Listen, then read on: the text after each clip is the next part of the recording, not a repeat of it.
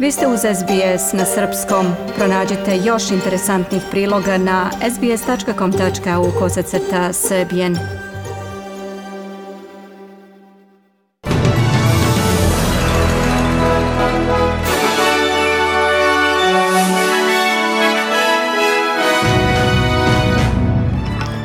Australija je i dalje važna za bezbednost Solomonovih ostrva, tvrdi premijer Morrison.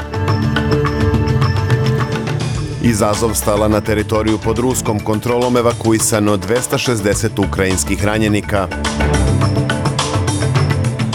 U desetine beogradskih škola stigle dojave o postavljenom eksplozivu.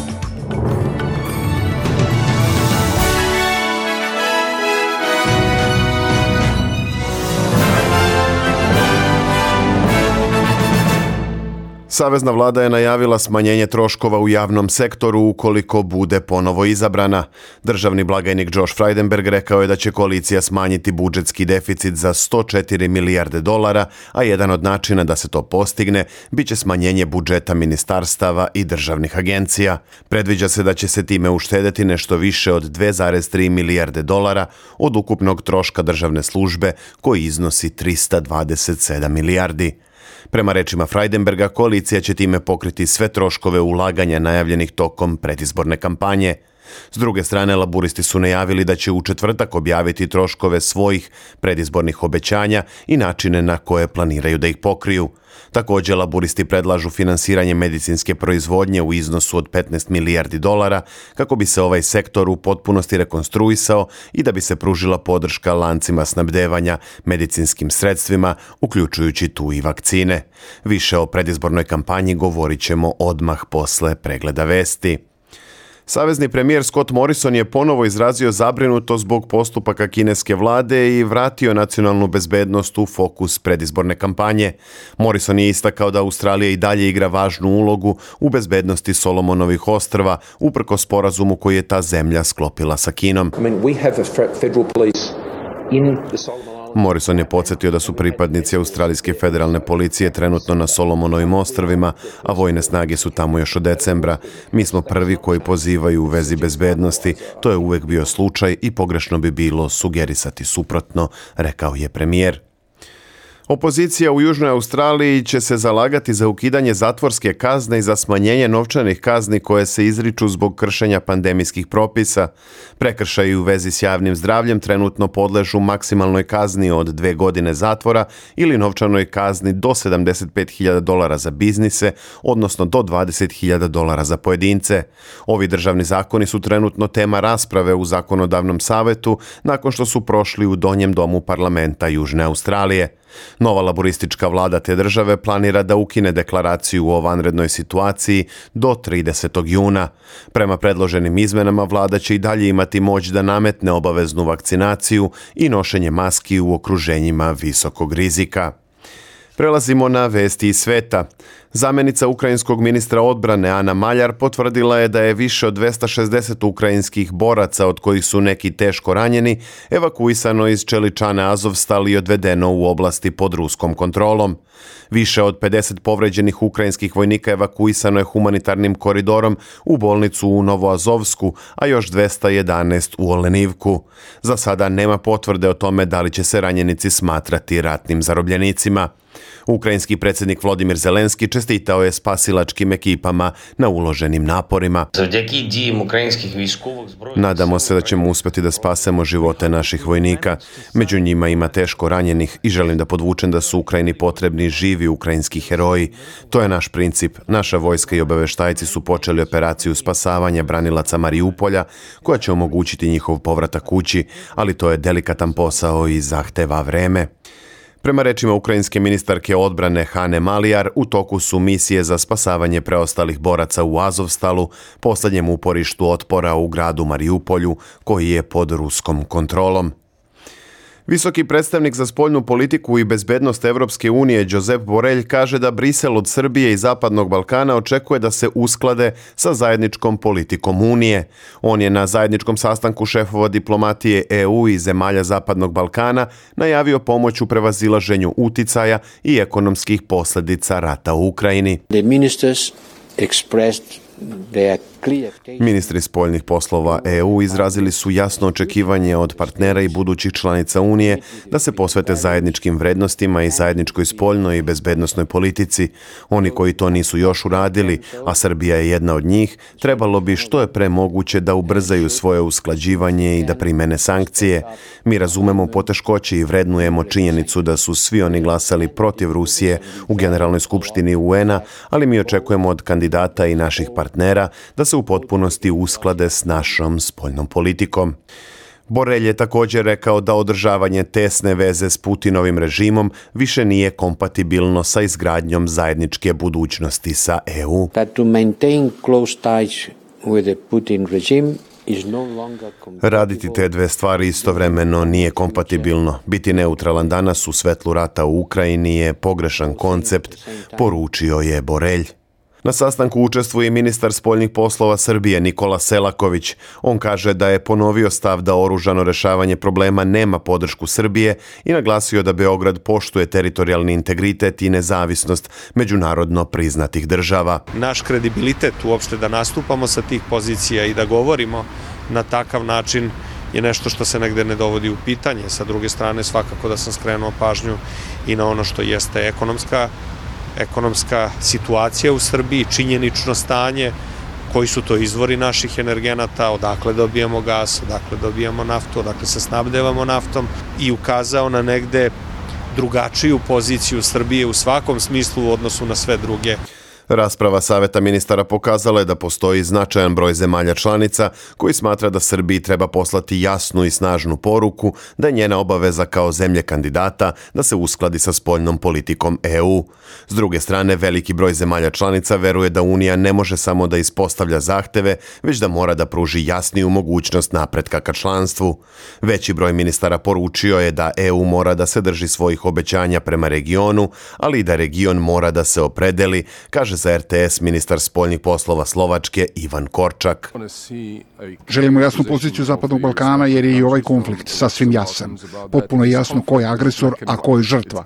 Ako zemlje Zapadnog Balkana kažu da hoće da budu deo ove zajednice, sada je trenutak da pokažu gde pripadaju i koje vrednosti zastupaju. Mađarski ministar Peter Sijarto poručio je tokom rasprave da je Srbija odavno zaslužila članstvo u Evropskoj uniji. Trebalo je još juče da je primimo, ali možemo slobodno i sutra. Nije fair od Evropske unije da više traži od kandidata nego što može da im da.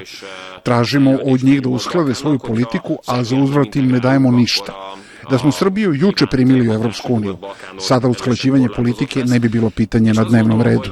Visoki predstavnik Evropske unije Josep Borelj pozvao je na hitan početak pregovora za pristupanje Severne Makedonije i Albanije Evropskoj uniji. Takođe pozvao je na poštovanje i primenu svih do sada postignutih sporazuma u okviru dijaloga Beograda i Prištine. We need constructive engagement and rapid progress Potreban nam je konstruktivan angažman i brz napredak ka normalizaciji odnosa Kosova i Srbije. Svi se u tome slažu, ali kada sednu zajedno imaju problem da napreduju. Potrebno je da stvorimo poverenje i izbegnemo unilateralne poteze i verujem da ćemo pre leta biti u mogućnosti da organizujemo još jedan sastanak premijera Kosova i predsednika Srbije. Borelj je izjavio i da Evropska unija još uvek nije postigla dogovor o šestom paketu sankcija protiv Rusije. On je rekao da i dalje ne postoji neophodan konsenzus o predloženoj zabrani uvoza ruske nafte. Posle dojava o postavljenom eksplozivu u beogradskim osnovnim školama, u ponedeljak je u popodnevnim satima stigla i pretnja da su postavljene bombe na mostovima u Beogradu, u tržnim centrima, zološkom vrtu, restoranima i na železničkoj stanici. Više javno tužilaštvo u Beogradu je saopštilo da dojave stižu svakodnevno na veliki broj adresa i da je u toku intenzivan rad na otkrivanju izvršilaca krivičnih dela u vezi sa lažnim dojavama o bombama. Kako se navodi, zbog velikog broja dojava, svi raspoloživi kapaciteti kontradiverzionih jedinica MUPA angažovani su na pregledu objekata i ustanova na čije adrese su upućene dojave. Do sada su sve bile lažne, a sumnja se da su usmerene na izazivanje panike i stvaranje uznemirenja kod građana. Ministar policije Aleksandar Vulin obratio se saopštenjem za javnost u kome je naveo da se protiv Srbije vodi, kako je naveo, specijalni rat i da sa različitih adresa iz više evropskih država stižu ovakve pretnje. Vulin kaže da one imaju za cilj pritisak na Srbiju, da prestane da vodi samostalnu politiku i da odluke donosi pod pritiskom i u strahu. Portal N1 je objavio sadržaj jedne od poruka koje su dobile škole u Beogradu. U poruci je između ostalog napisano Čudan osjećaj smirenosti, kao da čekamo normalan dan, ista rutina kao i uvek. Mrzimo sebe, ali želimo da povredimo svakoga ko nam se nađe na putu. Osjećaj da je sve oko sebe san ne napušta. Ne vidimo razloga da pišemo nešto drugo. Na kraju možemo reći da nismo prvi i daleko od poslednjih. Taj email, kako navodi N1, došao je sa adrese ruskog provajdera yandex.ru. S druge strane, mail koji je stigao u popodnevnim časovima i u kome se navodi miniranje mostova i tržnih centara i predsedništva, ima drugu sadržinu i kao motiv se navodi odbijanje Srbije da Rusiji uvede sankcije. To međutim ne ukazuje nužno ko stoji iza pretnje, kaže za N1 Bojan Perkov iz Share fondacije. Korisnik može da koristi različite metode anonimizacije e, identiteta na, na internetu, recimo da koristi Tor mrežu ili ovaj, tome slično, da na taj način e, koristi neautentičnu e, IP adresu ili identifikator koji maskira njegovu pravu lokaciju. Profesor na Fakultetu bezbednosti Goran Mandić kaže za RTS da se radi o organizovanom napadu koji je dobro pripremljen sa ciljem da izazove strah i paniku. Je veoma, veoma teško sa velikom dozom izveznosti da se ne otkrije ako se ne angažuje kompletno sve. Putem same opreme i načina kako se šalje, skoro da je nemoguće otkriti. Drugim operativnim radom i drugim operativnim pristupima može da se otkrije ko je, ako naravno postoji dovoljno veliki stepen zainteresovanosti, ne kod nas, nego u, govorim, u ovim drugim zemljama. Jer evidentno je da ovo nije delo pojedinca, ne može ni organizovana grupa, ovo je delo evidentno neke službe, neke države koja sprovodi ovu vrstu specijalnog rata prema zemlji Srbije. Radnici fabrike Fiat u Kragujevcu su nakon sastanka s ministarkom Darijom Kisić dobili obećanje da neće biti ugroženi. Zoran Miljković iz štrajkačkog odbora izjavio je za N1 da im je obećano da će do kraja meseca menadžment firme izaći sa ponudom o socijalnom programu. Mi nemamo ništa protiv da radnici Fiata prihvate ako neko hoće dobrovoljno da ide u inostranstvo ili ako hoće da uzme otpremninu koja će biti donešena u ovom socijalnom programu. Bitno je da smo sa ministrima dogovorili da neće biti nasilnih otkaza to je najbitnije i poručujem i mojim kolegama u Fiat Plastiku da bude spokojni, mi smo tek zaštićeni jer smo u generalnom štrajku, nas ne mogu ni da proglase za tehnološki višak, niti mogu da nas otpuste bez potpisa reprezentativnog sindikata, a to smo mi. Fabrika Fiat ostaje zatvorena do daljeg jer je, kako radnici kažu, tako odlučio menadžment firme. Odluka o privremenom zatvaranju fabrike, međutim, nije se mogla naslutiti pre dve nedelje, kada je predsednik Srbije Aleksandar Vučić objavio da će se u Kragujevcu proizvoditi novi električni automobil za koji će vlada dati subvencije grupaciji Stellantis, u kojoj je i Fiat. Više o toj temi čućemo kasnije u programu od Mije Nikolić. Na međunarodnom tržištu valuta jedan australijski dolar danas vredi 70 američkih centi, 67 euro centi, 57 britanskih penija i 78 srpskih dinara i 74 pare. Utakmicom Western United Melbourne Victory večeras počinje polufinale play-offa lige. Drugi par koji se igra sutra čine Adelaide United i Melbourne City. Igraće se po dve utakmice, a prednost domaćeg terena u revanšu imaju bolje plasirane ekipe iz ligaškog dela sezone Melbourne City i Melbourne Victory a u Srbiji će odluka o futbalskom prvaku države pasti u poslednjem kolu.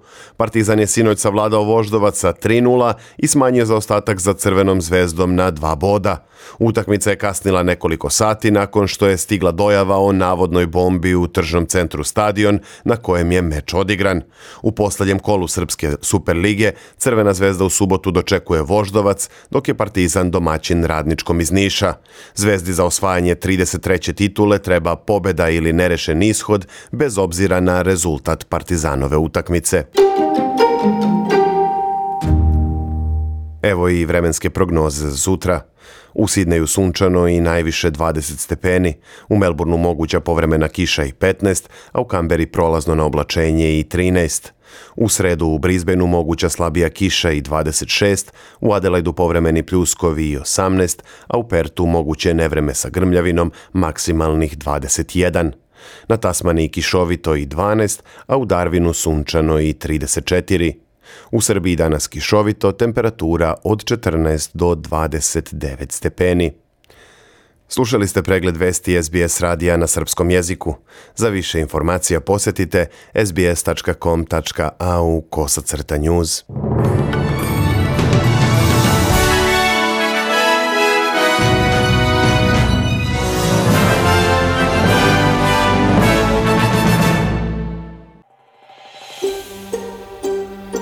Želite da čujete još priča poput ove? Slušajte nas na Apple Podcast, Google Podcast, Spotify ili odakle god slušate podcast.